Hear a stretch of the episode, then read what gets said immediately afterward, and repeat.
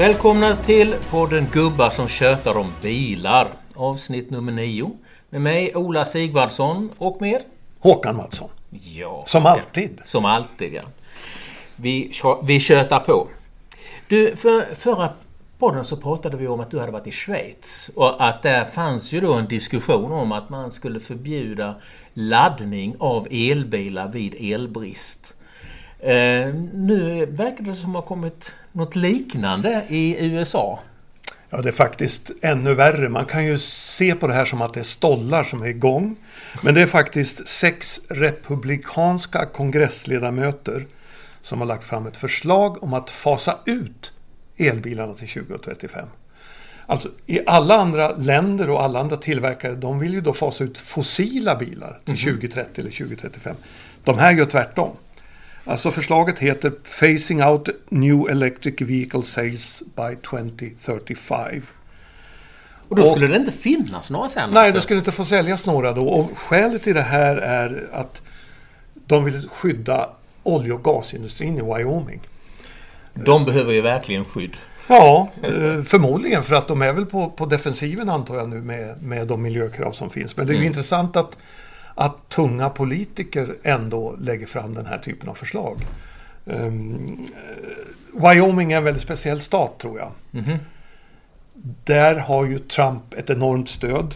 Han hade stöd under sin presidenttid av 56-59 procent av befolkningen. Och så sent som i november i fjol så hade han fortfarande stöd av 58 procent av befolkningen. Trots alla lögner och trots allting. Så att han har ett massivt stöd. Man kan se framför sig vad det är för, för stämning i den staten. Liz Cheney, som ju var Trump-kritisk, hon Mm. blev utslagen där som, som eh, kongressledamot av en som heter Harriet Hageman. Och hon står ju också bakom det här förbudet mot elbilar. Hon tycker att ja, de är bekymrade över att, att, att elbilarna slår ut. Men, men alltså, skulle det inte få säljas elbilar i Wyoming efter 2035? Nej, det är förslaget. F- Får elbilar från andra delstater köra över gränsen? Nej, det är väl risk att de är förda till stadsgränsen och hängda då. Eller kära och fjädrar kanske? Ja. Nej, men eh, vi får väl se. Alltså hon säger att Wyoming borde, de bryr sig inte om miljön, de bryr sig om gränssäkerhet, inflation, om att skydda energijobb. Säger den här Hageman. Jag tror ju att det blir väldigt svårt att driva igenom det här, men det är liksom ändå en intressant signal tycker jag. Vi, att det kommer el, för, föreslås elbilsförbud. Ja.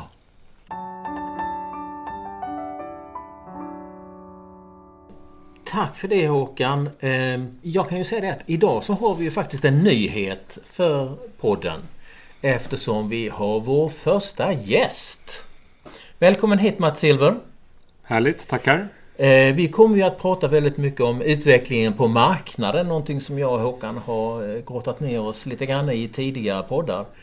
Men vi tror att du kan bidra med mycket kunskap. Kan du inte berätta vem du är och vad du sysslar med?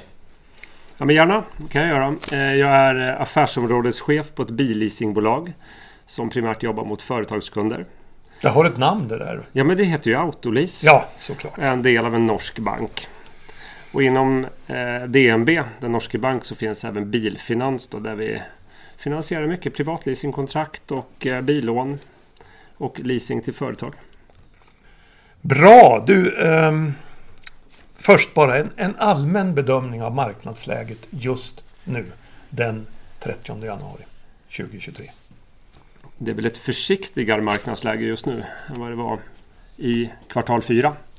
Ehm, tidiga kvartal fyra ska jag säga innan regeringen kom med sitt besked om att avskaffa klimatbonusen eh, väldigt abrupt.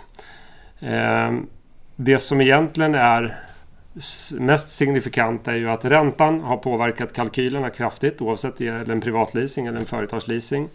Och sen i tillägg till det så försvinner då det här statliga incitamentet, alltså omställningsstödet mot grönare bilar.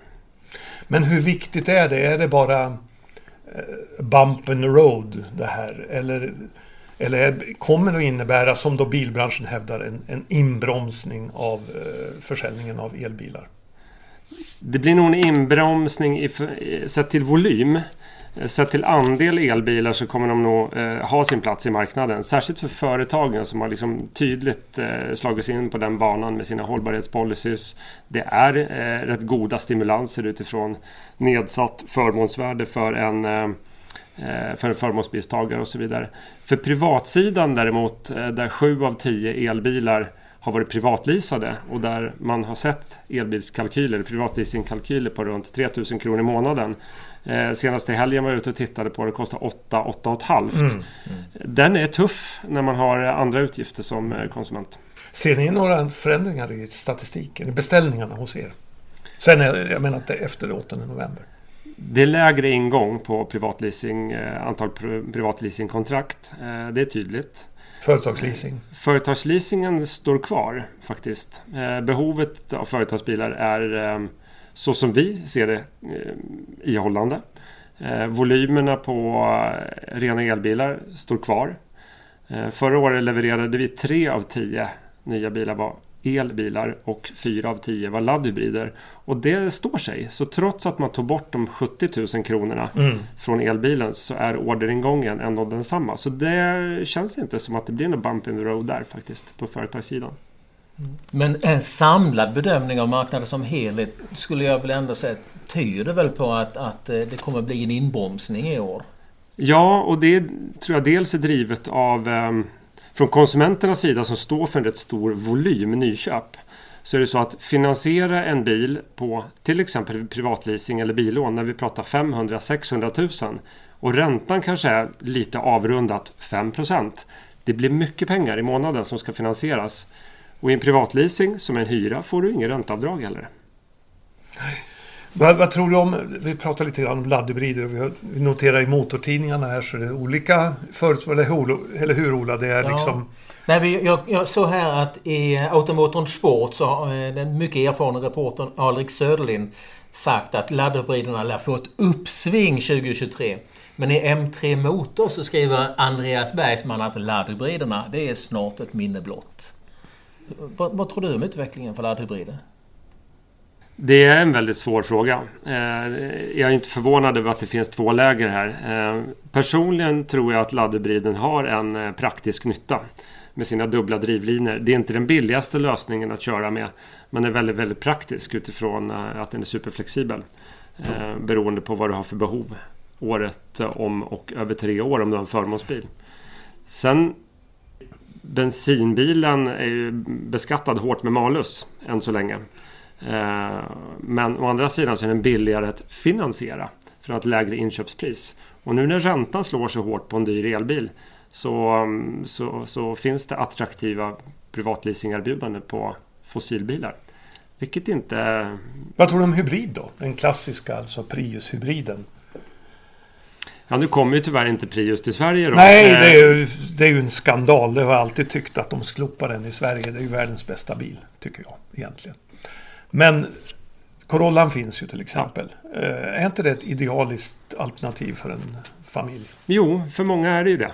Eh, den är inte så våldsamt dyr utan faktiskt eh, och sen aptitlig i form av hanterbarhet. Mm. En automatlåda eller en CVT-låda heter det ju på rent tekniskt maner. Och du slipper den där kabeln som en kollega en gång sa. Ja. Man, man behöver ju inte hålla på det ladda om man inte... Ja, superpraktisk och tillförlitlig och enkel att förstå sig på. Mm. Men du, eh, det låter ju ändå som på dig som att du eh, tänker att totalt sett så kan alltså fossilbilen bli vinnaren på eh, ränteutvecklingen och den borttagna bonusen? Ja, utifrån ett ekonomiskt perspektiv så har det ju inte blivit lättare att ta en elbil. Eh, för en konsument framförallt. Men eh, å andra sidan så är det så att det är ju mycket billigare att köra elbilen. Så det, här, det finns nog två läger men jag tror inte vi kommer tillbaka till de tidigare volymerna på mm, fossilbilar. Absolut inte. Och dessutom så är det så att tillverkarna och importörerna måste leverera nollutsläppsbilar för att inte bli bestraffade med CO2-böter. Så mm, vi får se vad, vad, vad som pushas ut i marknaden när alla logistikkedjor fungerar bättre och det blir en svagare efterfrågan och en högre produktion. Då kommer det här eh, ta en väg som vi kanske inte riktigt kan spå om idag. Mm. Du, vi måste ju prata om Teslas prissänkning. Vi noterar ju att de har en, en marginal på 30 procent eller 26 sa du Mats, när vi pratade tidigare. Det är klart att då är det ganska lätt att starta ett priskrig. Ja, den är helt fantastisk den marginalen. Mm. Det är ju eh, monumentalt stora pengar om man ser till bilindustrin i stort. Eh, och Tesla har ju överraskat många fler än en gång. Mm. Eh, jag tror alla blev överraskade just fredag den 13. Eh, det var inte så att jag trodde specifikt att det skulle bli högre rabatter under mm. året. Det här blev ju en, en chocköppning faktiskt från Tesla. Var kommer de där eh, 30 procenten bruttomarginal eh, ifrån? Och jag läste på eh, sajten CarUp här nu eh, för nyligen. Där de inte hade intervjuat en så kallad bilguru. Jag vet inte riktigt vad det är, men det var en bilguru. Som... En sån som Mats Silver ungefär. Ja, ah, okej, okay, då förstår jag. Sandy Munro och hans företag, de hade alltså plockat ner Teslas bilar i atomer, gjort en bedömning av komplexiteten i bygget, eh, kostnaden för de olika delarna. Till det hade de lagt frånvaron av marknadsföring och att de inte har någon extern återförsäljarkedja. Och de menar att de här sakerna tillsammans skapade den här unika bruttomarginalen. Mm. Men tror du, kan, kan andra slåss med det? Alltså de traditionella bilar, biltillverkarna? Onekligen verkar det ju svårt. Det som eh, gör mig nyfiken är också frågan hur mycket Tesla tjänar på att sälja ström mm. i sitt laddnätverk. Det är mm. också en intäktskälla. Mm. Eh, så allt är sammanvägt så, så har de hittat en eh, fantastisk paketering av trygghet och enkelhet och så vidare. Sen eh, har ju även Tesla höjt priserna rätt kraftigt under senaste året. Eh, och, och eh, Frågan är om vi inte ska vara lite tacksamma i någon mening att man rör om i grytan och faktiskt finns det möjlighet att sänka priserna. Vi har ju en problematisk inflation som är global. Eh, att man då trycker ner prisbilden eh, i ett väldigt tydligt ögonblick. Så det är klart att det kommer pressa konkurrenter. Men gör det det? Hur har konkurrenterna egentligen? De har väl inte reagerat så mycket i Sverige? Nej, det har ju gått två veckor och Elon menar ju nu att man har en dubbelt så stor orderingång mm. än vad man har produktionskapacitet och tror på att kunna öka från 1,3 till 2 miljoner tillverkade bilar under 2023 och det är ju monumentala tal. Mm. Eh, ännu har inte några eh, konkurrenter eh, officiellt eh, lagt fram tydliga prissänkningar. Men de, många andra konkurrenter har ju svårighet att implementera ett nytt pris även på orderlagda bilar, vilket Tesla har gjort. Mm. De har ju bara lagt in ett nytt eh, pris eh, i systemet och sen så gäller det för alla som även väntar på sin bil. Vilket är hedrande. Men du, du hade noterat att Polestar 2 ja. är dyrare nu i sin ansiktslyftning. Ja, det, ansiktslyftningen av generation 2 eller vad man ska kalla det för, Polestar 2. Den höjs ju med 40 000 kronor. Sen, samtidigt som Tesla Model Y sänks med var det 150? Eller 150 000, ja. ja. Eh, alltså, är, är det modigt eller dumdristigt av, av Volvo att göra den, den manövern, eller Polestar förlåt, att göra den manövern? Det var nog planerat sen innan och frågan är hur fort man kan navigera i nya vatten när det som sagt eh, händer något så här stort. Ehm, sen är det ju så att olika varumärken jobbar ju med en rak prissättning fullständigt utan rabatter medan andra varumärken i någon mening har rabatter eller helt publikt har rabatter. Och det är helt olika vem, från varumärke till varumärke. Utan att mena på vad Polestar gör specifikt här. Men det är en konkurrenssituation och alla kan inte vara billigast. Och jag tror en del uppfattar att nu är Tesla billigast bara för att de gjorde stor prissänkning. Men så är ju inte fallet. Däremot har de eh, landat i en, i en eh, bra prispunkt. När vi pratade om det här i vår förra podd så hävdade jag att det blir tufft för nya kinesiska märken. Alltså det visar sig att iWays U6, nya JAC, båda de bilarna som kanske inte är state of the art, de är du dyrare än en Tesla Model Y. Eh, det låter ju som självmord. Det låter som en utmaning att försvara eh, när man ska sälja bilen. Eh, definitivt. Vad tror du om liksom, de kinesiska märkena? Det är ju 15-16 stycken nu någonstans i Sverige deras långsiktiga möjligheter att, att etablera sig här? det kan, de kanske har några gömda S i rockärmen. Eh, hur man vill paketera den här och eh, hyr man ut bilen, vilket eh, alltså på en privatleasing till exempel, om man kan göra en affär på den i, i ett andra och ett tredje varv. Man bygger liksom en cirkulär affärsmodell. Då finns det då en, en, en möjlighet. Men att om man enligt den gamla skolan säljer på pris vad bilen kostar, då är det en eh, svårare manöver när det finns mer etablerade varumärken som är helt uppenbart är billigare. Ja, nej, men de flesta bilmärken eh, som vi har är ju etablerade sedan jättelång tid tillbaka och har byggt varumärken som då har, yes, har givits ett alldeles, för varje bilmärke ett speciellt innehåll, egenskaper som lyfts fram som, som karaktäristiska. Men det, det kan ju inte de här 16-17 kinesiska bilmärkena göra liksom på något år. Nej, jag har varit i bilbranschen i 20 år och ser man då bara från 2016 till nu eh, så fick jag talen från Vrom på deras Vromdag, eh, en marknadsdag för förra veckan. Där man pratade om just från 12 till 35 stycken varumärken som levererar elektrifierade bilar.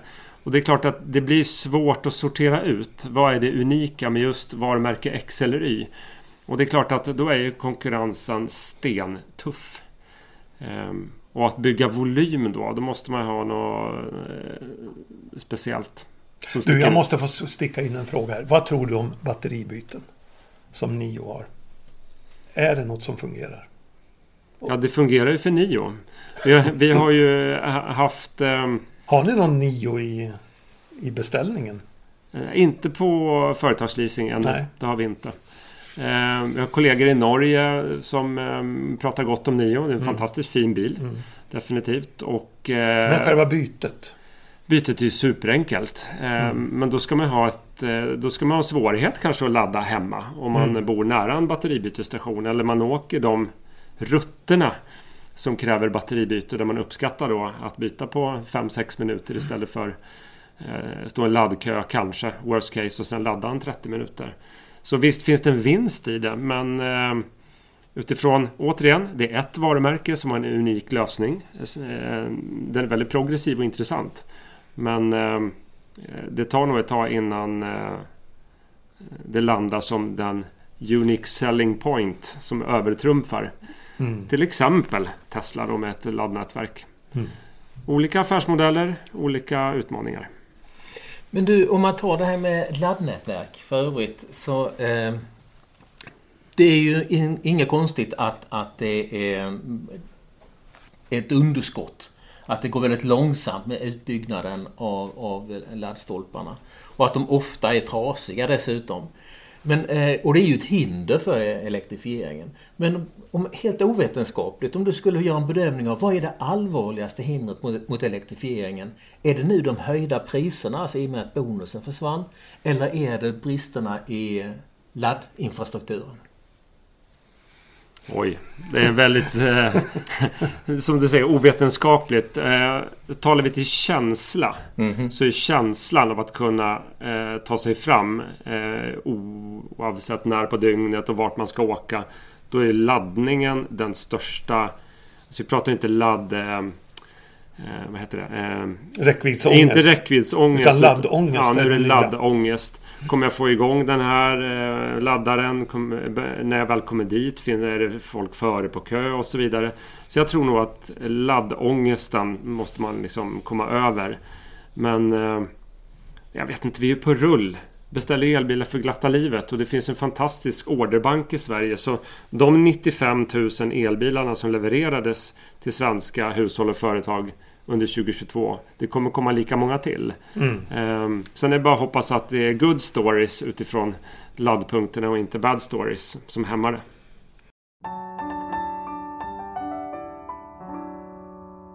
Vi måste prata lite återförsäljare också. Eh, Absolut. Även om det inte kanske är ditt huvudområde. Men det är uppenbart att många återförsäljare har fått det tufft. Eh, antalet konkurser ökar med 26 procent såg jag någonstans andra halvåret i fjol. Stora återförsäljare som Arlanda stad bil eh, har stängt, gått i konkurs. Hur ser framtiden ut där? Kommer det bli mer agentmodell? Kommer de här traditionella små återförsäljarna att överleva? Vad tror du om det? Vad, vi, vad, vad jag har förstått så är det många små återförsäljare som köps upp av, av stora aktörer. Eh, och det är klart att det, det blir en stor drift, storskalighet. Eh, man kan dra nyttor av det.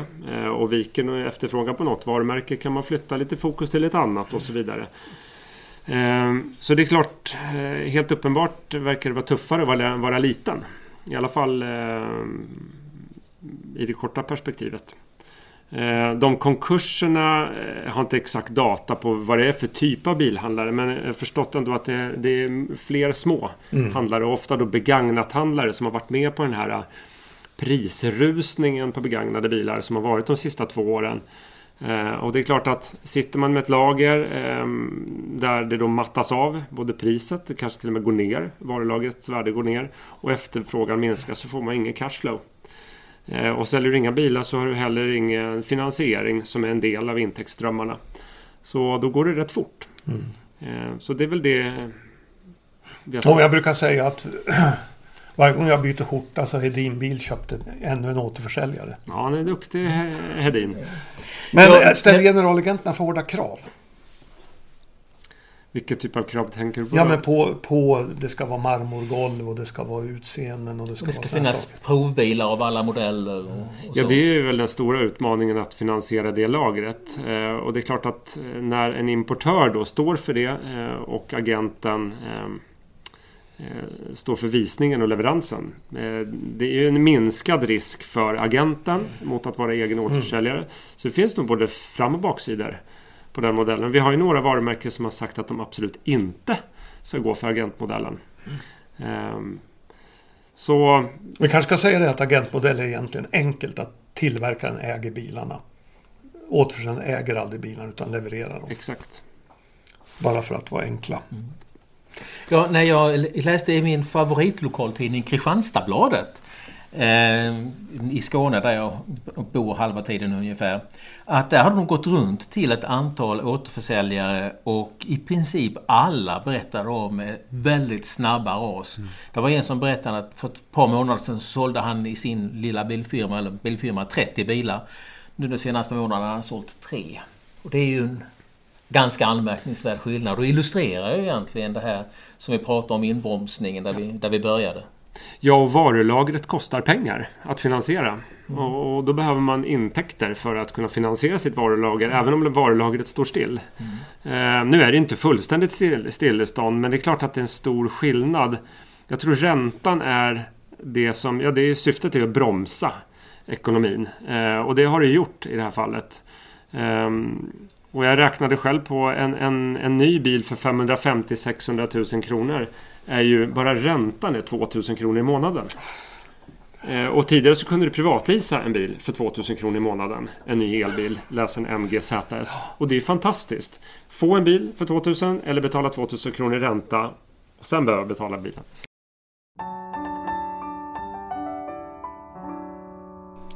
Den här podden heter faktiskt Gubbar som tjötar om bilar. Det är dags att köta om en bil tycker jag. Ja. Nämligen din bil Mats som vi har fått ja, din och din, det är väl en leasingbil antar jag. Som vi har fått provköra. Du måste berätta vad det är för bil. Ja, det är en nya version av Model S. Eh, som har varit leveransstoppad i två år i princip. Eh, med den här spännande Yoke-ratten. Ja, det var just den som gjorde oss sugna på att köra din bil. Kan, kan, kan du beskriva den? Ja, det är en eh, ratt utan, utan rund kringla som man säger sig för. Så det är ingen överdel på ratten. Det är ett styre. Det är ett styre. Vad är din erfarenhet? Efter en månads körning? Ja, första stunden var det bara ett frågetecken. Eh, och, och, när man då ska... Den, bilen har ju varken blinkerspak eller växelspak eller någonting. Eh, så det är klart att det, det tog en stund innan jag och Eh, övriga som kör bilen lärde oss hitta blinkersknapparna mm. på intuition. Alltså att man får det i, i muskelminnet. Men efter några veckor så, så sitter det. Då känns det väldigt naturligt. Ja, vad tyckte du Ola? Ja, alltså jag tyckte ju att det, det funkade hyfsat när vi körde på, på motorväg och liksom körde rakt fram. Men när man skulle liksom fick parkera och sådär så, så for den runt på ett sätt som jag inte riktigt eh, uppskattade. Nej, jag håller med om det. Eh, Mats, du har inte kört någon Citroën CX på sistone hör jag. För den hade ju, den som hade från 1974, den hade ju en enekrad ratt. Och den hade ju de här reglagen som satelliter på instrumentbrädan. Just det. Så också de hade ju en vippbrytare för blinkers och tutan längst ut på, på högersidan. Jag fick liksom lite så här vibbar av, ja det är nästan som en CX det här. Jag tyckte det var lite svårt att hålla reda på de där knapparna och hitta tutan och liksom man skulle sitta där med fingrarna. Men det kanske man lär sig. Jag tyckte dock att det här var mer en gimmick än att det tillförde någon sorts nytta.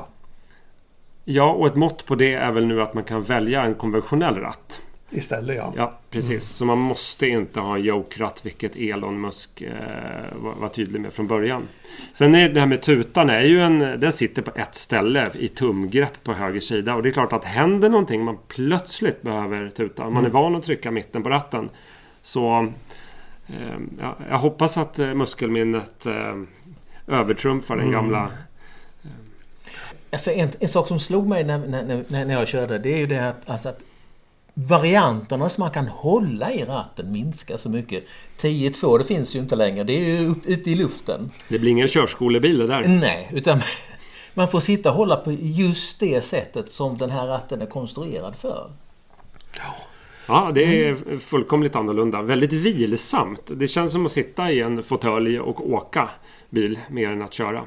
Tack vare att ratten är... eh, Det ger också en så luftig vy fram över instrumentering, instrumentbräda och, och utsikten. Lexus har ju kommit också med en modell eh, som heter RZ450E. Som också har den här typen av ratt.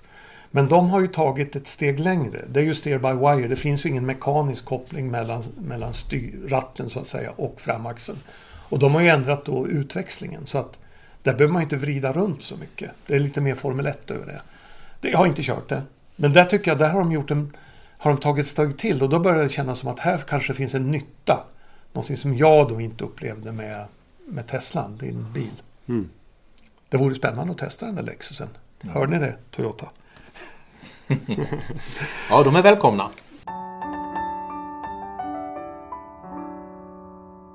Då tänkte jag att jag skulle ta och dra en liten rättelse från förra podden. Det är vår första efter åtta poddar. Ja, och det är, rätteligen är det jag som ska göra rättelsen eftersom det var jag som påstod att den enda helelbilen som fanns på 10 i topp försäljningslistan från i fjol var Tesla Model Y. Och det stämde inte. Den ligger på sjunde plats på förra årets försäljningslista och på fjärde plats så låg den helelektriska Volkswagen ID4. Härmed rättat. Rätt ska vara rätt. Alltså jag kan ju försvara det. Vad vi pratade om var ju huruvida Tesla hade då svag försäljning eller inte. Och du ville påpeka att de faktiskt hade ju en bil på 10 i topp. Men Mats, du hade ju faktiskt svaret på vilken som var Sveriges mest sålda elbil. Vad en Volkswagen nu säger. Ja, slår man ihop XC40 batteribilen, alltså den helelektriska med C40. Nu har ju Volvo valt att eh, särredovisa dem som två, ens- ut, i två enskilda modeller. Men de volymerna tillsammans övertrumfar eh, ID4. Kan någon annan bil än Tesla Model Y bli Sveriges mest sålda elbil i år? Den har goda odds att bli det i alla fall. Det var diplomatiskt. Och, och i tillägg så har den resonabla leveranstider. Ja.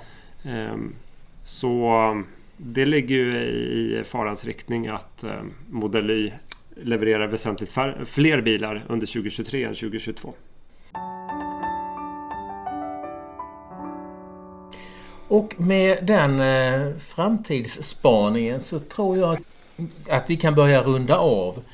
Och eh, jag skulle bara vilja säga att de som vill höra av sig till oss med tips och råd och annat och vad vi ska prata om, köta om, så kan ni höra av er på vår mejladress bilchat.gmail.com.